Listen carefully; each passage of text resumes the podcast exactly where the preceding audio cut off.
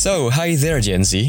Did you know that everything can be changed, including your life? Yes, you can. So, let's start to change your life one bit at a time today. So, hi, hi, hi. This is your host, Firza. Balik lagi. Welcome back to One Bit at a Time podcast. Gue pengen nanya ke diri lo. Apakah lo sering gak mau naruh ekspektasi apa-apa ke suatu hal karena takut dikecewakan oleh hasil yang ada? Well, di sini gue bakal bilang sebaliknya berekspektasilah. Gak usah lagi membatasi ekspektasi kayak yang biasa lo lakuin selama ini. I'll tell you why and what you should do instead. Sigmund Freud He's an Austrian neurologist di awal tahun 1900-an. Bilang dalam pleasure principle-nya, kalau manusia itu cenderung menghindari rasa sakit.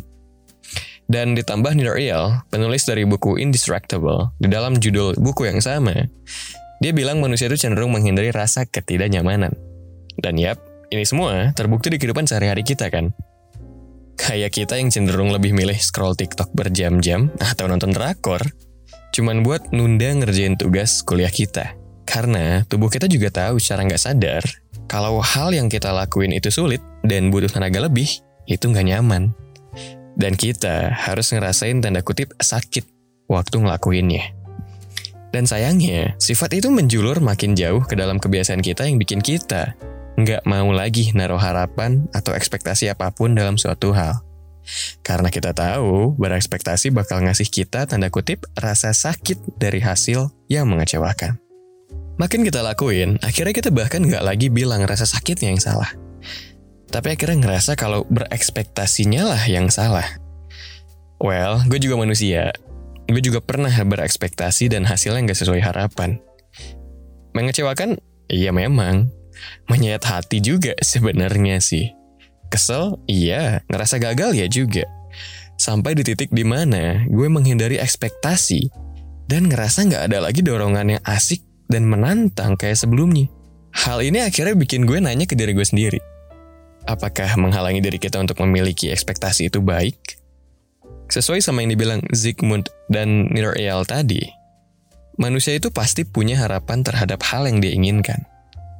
Karena mereka itu sebenarnya mengejar hal-hal nyaman dan yang baik untuk dirinya sendiri. Ya pasti dong. Tapi apa jadinya kalau kebebasan untuk menginginkan sesuatu itu dikekang? Well, udah pasti berontak dong. Gak mau ngerasa gak nyaman dan gak mau ngerasa rasa sakit kan? Dan itu dia kenapa lo yang udah menghindari ekspektasi tetap ngerasa gak tenang akhirnya.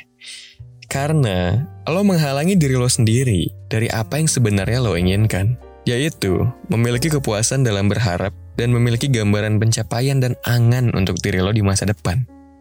Dari situlah akhirnya gue nemuin jawabannya. Daripada kita menghalangi diri kita untuk berharap, atau mengurangi ekspektasi lah, atau berekspektasi sewajarnya lah katanya. Lebih baik kita bisa terima dan siap dengan apa pun hasil yang akan terjadi kan. Sebesar apa pun ekspektasinya, berekspektasilah. Karena bukan ekspektasilah yang salah. Tapi rasa takut kita akan kemungkinan yang mungkin itu juga akan terjadi nantinya. Padahal hasil itu akan selalu di luar kendali kita. Dan yang bisa kita lakuin ya adalah mempersiapkan diri bukan? Ini juga bisa ngebantu kita buat ngelatih mental dan mindset kita buat bisa selalu siap dengan kemungkinan apa pun yang akan terjadi di hidup kita. Dan selain itu, kita nggak perlu menghindari apa pun lagi dan mengurangi harapan apa pun yang kita inginkan lagi akhirnya. So, buat lo, apakah mulai sekarang lo masih akan menghalangi diri lo untuk berekspektasi? Think about it. Gue Firza, you've changed today. So let's do it again tomorrow with one minute at a time. Stay healthy dan jangan lupa tetap minum air putih yang cukup. And as always, have a great life and see you in the next bites. Bye-bye.